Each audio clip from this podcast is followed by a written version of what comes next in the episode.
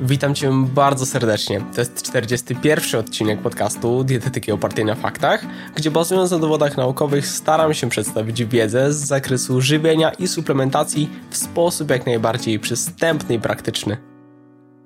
Rynek suplementów diety rośnie z każdym dniem, corocznie o mniej więcej 10%.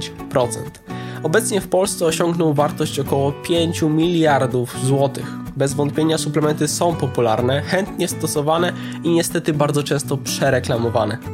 Producenci prześcigają się w tym, by to ich produkt stał się najatrakcyjniejszy lub przynajmniej sprawiał takie pozory. Przekonujące reklamy, obiecujące deklaracje na opakowaniach, kolorowe napisy, wszystko to po to, by kupić właśnie ten suplement, który ma rozwiązać nasze problemy, poprawić nasze zdrowie, kompozycję sylwetki i tak dalej. Choć wiele ludzi lubi wydawać pieniądze na tego typu środki, to w zdecydowanej większości przypadków nie jest to potrzebne. Zdarzają się sytuacje, że suplementacja ma sens, lecz niestety mnóstwo popularnych suplementów jest zwyczajnie, kolokwialnie mówiąc, stratą kasy. Przygotowałem dzisiaj subiektywny, choć starają się do tego podejść jak najbardziej obiektywnie i też z Waszą pomocą na Instagramie. Niemniej wolę to podkreślić, bo jednak sam go przygotowałem, a więc subiektywny ranking pięciu najbardziej przereklamowanych suplementów diety. Mam nadzieję, że materiał będzie dla Ciebie wartościowy i pomocny. Zapraszam do materiału. Powiem szczerze, że miałem problem z dobraniem odpowiedniej kolejności, jak i właściwym wyborem suplementów, mm, bo chociaż miałem kilka swego rodzaju pewniaków, środków, które na pewno się pojawią, mm, to niektóre były dla mnie no dyskusyjne. Starałem się zwracać dużą uwagę na popularność suplementu. W końcu w tym podcaście nie chodzi wyłącznie o substancje, które nie warto lub nie trzeba suplementować, bo takich jest mnóstwo, ale o te najbardziej przereklamowane, przeceniane, a więc takie, które zyskały dużą renomę, ale niekoniecznie zasadnie. Innymi słowy, nie niosą ze sobą tylu korzyści, o jakie się je niekiedy podejrzewa. Oprócz tego, że zaraz te substancje wymienię, to też postaram się to uargumentować, zwracając uwagę zarówno na plusy, o ile takie są, lub konkretne sytuacje, kiedy może się dany suplement jednak sprawdzić, jak i wady, minusy, dlaczego suplement uznałem za przereklamowany. Kolejność będzie nietypowa, bo zaczniemy od miejsca pierwszego, a mianowicie multivitaminy. Kompleksy witaminowo-mineralne są jednymi z najczęściej kupowanych suplementów przez Polaków i choć mogłoby się wydawać, że przecież to super, w końcu to witaminy i składniki mineralne są niezbędne, sprzyjają zdrowiu i tak to z takimi suplementami jest wiele problemów. Po pierwsze, składniki mineralne w omawianych preparatach są najczęściej obecne w słabo biodostępnych formach. Przykładowo tlenek magnezu ma bardzo słabą przyswajalność, tymczasem cytrynian, na przykład cytrynian już dużo lepszą. Niestety we wspomnianych suplementach znajdziemy przeważnie te słabo wchłanialne formy, gdyż są też nierzadko tańsze. Po drugie, składniki występujące w tego typu suplementach często dodatkowo utrudniają swoje wzajemne wchłanianie, jak na przykład wapń, żelazo, cynk, magnez, miedź, jod i tak.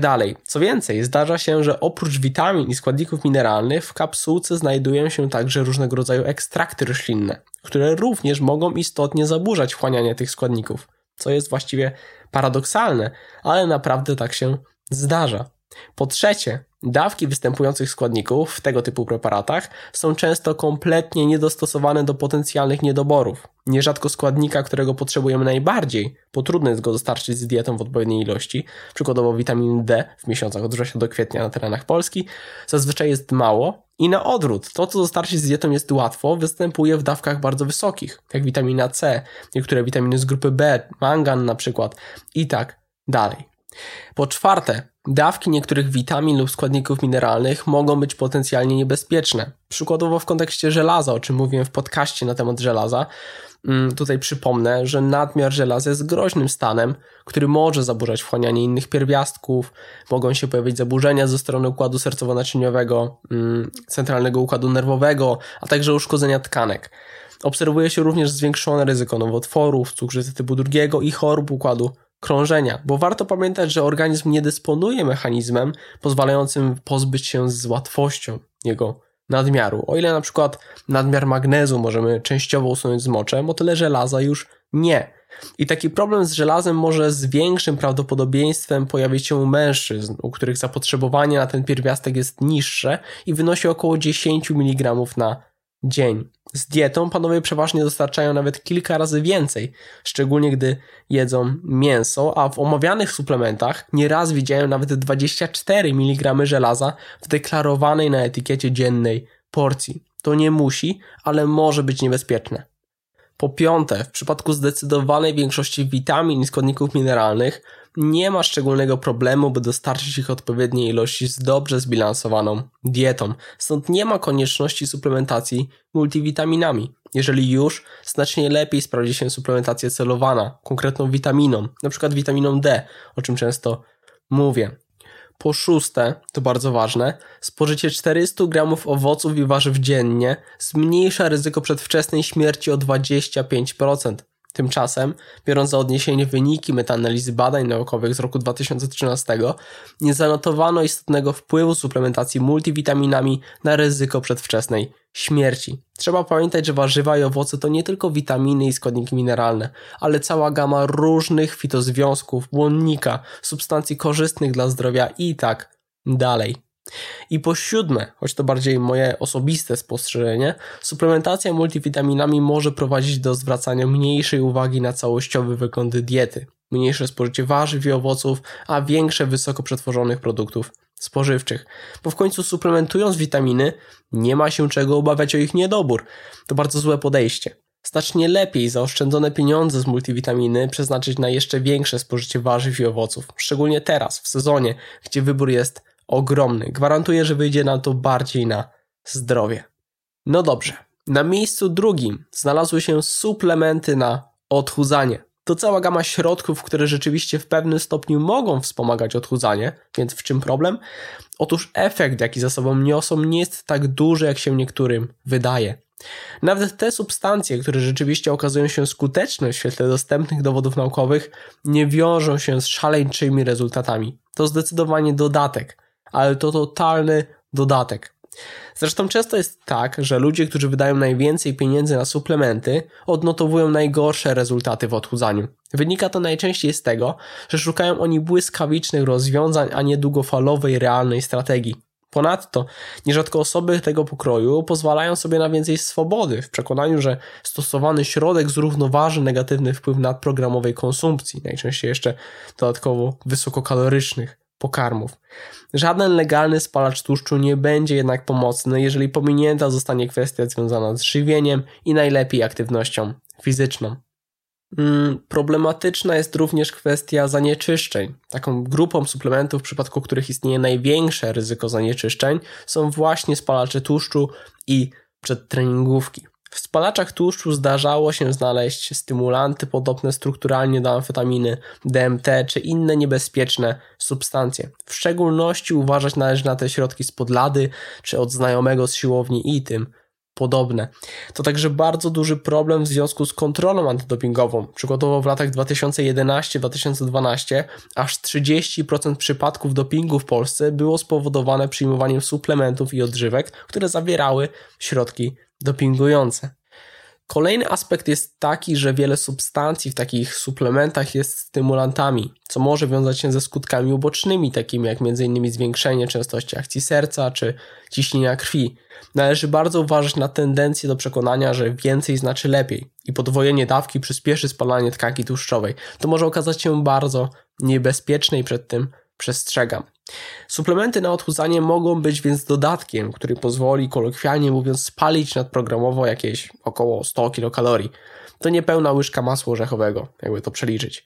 Hmm, czy jest to warte niemałych pieniędzy, bo takie spalacze do najtańszych nie należą? No, kwestia indywidualna. Jeżeli robi to ktoś naprawdę przemyślanie, to może mieć sens. Często jednak nie ma i tabletka za nas sprawy nie rozwiąże. Zmiana nawyków żywieniowych, zmiana naszego stylu życia już tak.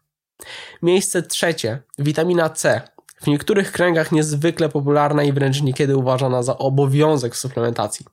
Trzeba to więc sprostować. Rekomendowane dzienne spożycie dla dorosłych kobiet wynosi 75 mg witaminy C na dobę, a dla mężczyzn 90 mg na dobę. W niektórych grupach prawdopodobnie to spożycie jeszcze trochę warto zwiększyć, m.in. u osób palących o około 40%, czy sportowców nawet do 200 mg na dzień. Nawet jednak takiej ilości zdecydowanie nie jest trudno dostarczyć z dietą. Przykładowo jedną papryką czy porcją truskawek spokojnie zapotrzebowanie spełnimy. Nie mówiąc już o sytuacji, gdy warzyw i owoców w ciągu dnia jemy sporo. Wówczas nawet z dietą nie jest szczególnie problematyczne przekroczyć rekomendowane spożycie kilkunastokrotnie. Tymczasem trzeba podkreślić, że suplementacja witaminą C, a zarazem spożycie jej istotnie ponaddzienne zapotrzebowanie nie przynosi szczególnych korzyści w świetle obecnych dowodów naukowych. Wbrew obiegowym przekonaniom to nie jest remedium na wszystkie choroby.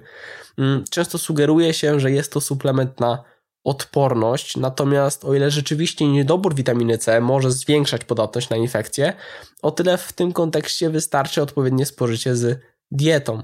Suplementacja omawianym związkiem, nierzadko kilkugramowa suplementacja, mm, w ogólnej populacji nie wpływa istotnie na częstość występowania przeziębienia. Może potencjalnie skrócić nieco jednak czas trwania infekcji mm, u dorosłych osób o około 8%, a więc w praktyce kilka godzin.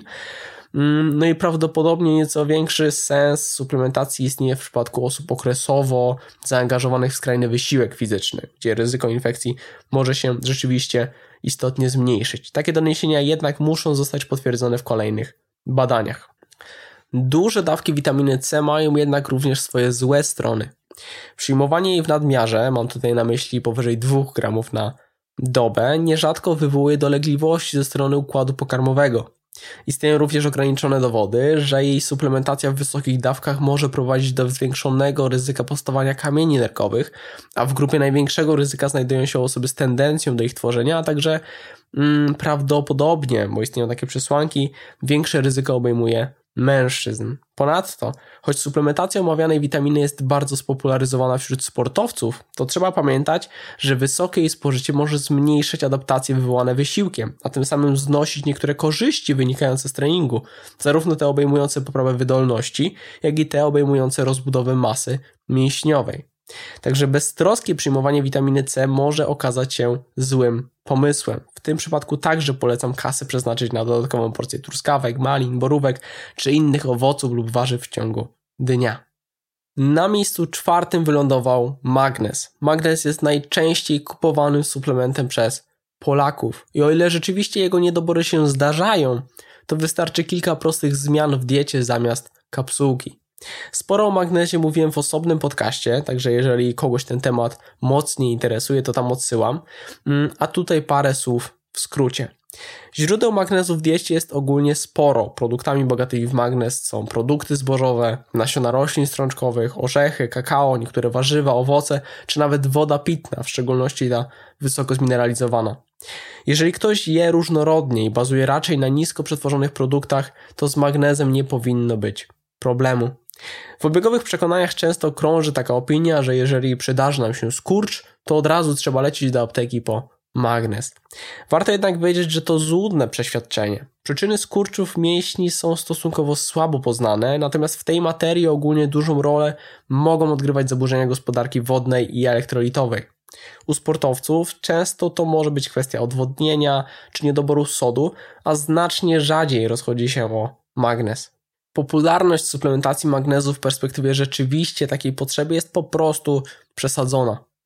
Jeżeli chodzi o nadmiar, to przy niewielkich dawkach nie powinno być problemu, mm, tylko kwestia zmarnowanych pieniędzy, natomiast przy większych dawkach może mieć właściwości przeczyszczające, a przy przewlekłym takim spożyciu może mieć już działania niepożądane. Ponadto obniża on mm, biodostępność leków stosowanych m.in. w nadciśnieniu tętniczym, zmniejszając ich działanie, no i zmniejsza też absorpcję niektórych leków przeciwbakteryjnych, przeciwzakrzepowych, przeciwgrzybiczych, przeciwpsychotycznych czy przeciwlękowych. Także warto zwrócić uwagę i zwyczajnie bez realnego, uzasadnionego powodu żadnych suplementów nie stosować, bo może się okazać, że nieświadomie działamy na swoją niekorzyść. I miejsce piąte. Nie mogło zabraknąć BCAA. Chociaż nie jest suplementem popularnym wśród ogólnej populacji, to wśród sportowców już tak. BCAA to aminokwasy o łańcuchu rozgałęzionym, do których należy leucyna, izoleucyna i walina. Wchodzą one w skład niezbędnych aminokwasów egzogennych, a więc takich, które nie mogą zostać wytworzone przez organizm w fizjologicznie znaczących ilościach i musimy je dostarczyć z dietą. Koncepcja, że BCAA mogą mieć wyjątkową zdolność do stymulowania syntezy białek mięśniowych, bo w tym upatruje się jej jedną z ważniejszych ról, mm, została przedstawiona w 1981 roku w oparciu o model zwierzęcy, a sama ich podaż najczęściej odbywała się w postaci infuzji, co ciekawe. Mm, co więcej, leucyna jest swego rodzaju aminokwasem inicjującym proces syntezy białek mięśniowych. I na tej podstawie wysunęto wniosek, że to może być świetny suplement. Niestety owa koncepcja ma wiele luk. Regulacja syntezy białek mięśniowych różni się pod wieloma względami między ludźmi a szczurami. Co więcej, do syntezy białek mięśniowych konieczne są wszystkie niezbędne aminokwasy, a podaż tylko trzech, omawianych BCAA, jest niewystarczająca, zwyczajnie nieoptymalna. W roku 2017 opublikowany został przegląd systematyczny w tym zakresie, mm, którego wyniki nie wspierają potencjalnych korzyści płynących z suplementacji BCAA.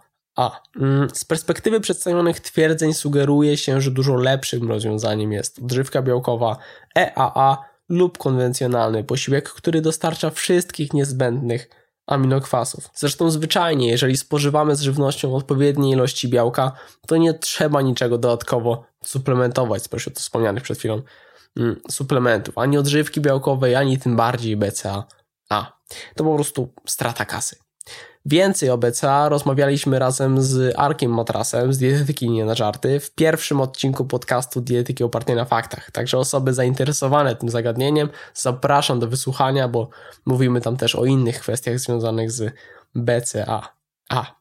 Linki do wspomnianych dzisiaj odcinków zostawię w opisie. No dobrze, oczywiście przereklamowanych suplementów jest znacznie więcej. Można by było wspomnieć również o popularnym wapnie, tak właściwie wapniu, mm, ale to temat właściwie na osobny odcinek. Mm, można by było wspomnieć o suplementach na odporność, na wątrobę, o probiotykach stosowanych w sposób nieprzemyślany i tak dalej. Postarałem się niemniej subiektywnie wybrać 5 suplementów i mam nadzieję, że ten odcinek okazał się pomocny i być może dzięki niemu ktoś z Was nie wyda niepotrzebnie pieniędzy na niepotrzebne suplementy. Producenci często próbują nam wmówić, że te wszystkie środki są dla nas niezbędne, by utrzymać lub poprawić zdrowie czy sylwetkę, ale to nieprawda i pragnę przed tym przestrzec. Zresztą wkurza mnie to trochę, bo sam jako twórca, który który trafia do wielu osób zainteresowanych dietetyką, dostaje niemało ofert współpracy w związku z promowaniem jakiegoś konkretnego suplementu.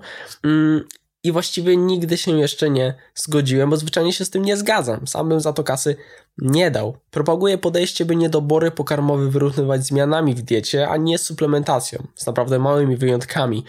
Mm, I mam tutaj na myśli m.in. witaminę D, a kiedy to wiadomo, jak nie, to odsyłam do podcastu o witaminie D, mm, no, witaminę B12 u osób na diecie roślinnej, mm, kwas foliowy u kobiet w ciąży i przed, czy sytuacje ewidentnie niedoborowe. Jest też garstka, naprawdę garstka, bo na palcach maksymalnie dwóch rąk wyliczę, suplementów, które rzeczywiście mogą być zasadnym rozwiązaniem u sportowców. Stąd zwyczajnie nie byłoby to zgodne z tym, co propaguję. Zresztą często też jest tak, że zamiast suplementu polecam lek, ponieważ zwyczajnie mamy pewność, że znajdziemy tam to, co powinno być w odpowiedniej dawce. I nie chodzi o to, że suplementy są złe, ale trzeba być zwyczajnie świadomym, że jest to rynek mniej kontrolowany. Konsensus tego jest taki, że e, z żywności z powodzeniem możemy dostarczyć praktycznie wszystko, co potrzebujemy i co ważne, nie można się jej bać, co zresztą udowadniam w e-booku, czy należy się bać współczesnej żywności, gdzie rozwiewam wątpliwości dotyczące dodatków do żywności, pestycydów w warzywach i owocach, antybiotyków i hormonów w mięsie, zanieczyszczeń w rybach, glutenu, jajek, nabiału, margaryny i tak dalej. Jeżeli ktoś chciałby wesprzeć moją niezależną twórczość mm, i zapewnić sobie dawkę wartościowej i praktycznej wiedzy, by być świadomym konsumentem, to serdecznie zachęcam. Wszystkie szczegóły w linku w opisie lub też wchodząc na stronę dietetyka oparta na faktach.pl ukośnik e-book. Przypominam też, że dla słuchaczy tego podcastu obowiązuje kod rabatowy o treści podcast pisane przez C. Bardzo się cieszę, że mam do kogo mówić. Ponadto, mm, by ułatwić Wam kwestie związane z uniknięciem niedoborów pokarmowych, mam świetną wiadomość, bo jestem na ostatnim etapie tworzenia e-booka o witaminach. Będzie to przewodnik po witaminach, w którym znaleźć będzie można konkretne, praktyczne informacje w tym zakresie, ale wszystkie szczegóły już niebawem, naprawdę niebawem. Tymczasem to wszystko ode mnie. Mam szczerą nadzieję, że odcinek był pomocny i wartościowy. Jeżeli tak uważasz i uznasz, że twoi znajomi lub rodzina mogą dzięki niemu skorzystać, będzie mi bardzo miło, jeżeli ten podcast udostępnisz. Słuchacze podcastu w serwisie Apple Podcast proszę o ocenienie podcastu, dzięki temu będzie on mógł trafić do szerszego grona, a słuchaczy na YouTube proszę o łapkę w górę i subskrypcję. Dzięki, do zobaczenia, do usłyszenia już niebawem. Hej!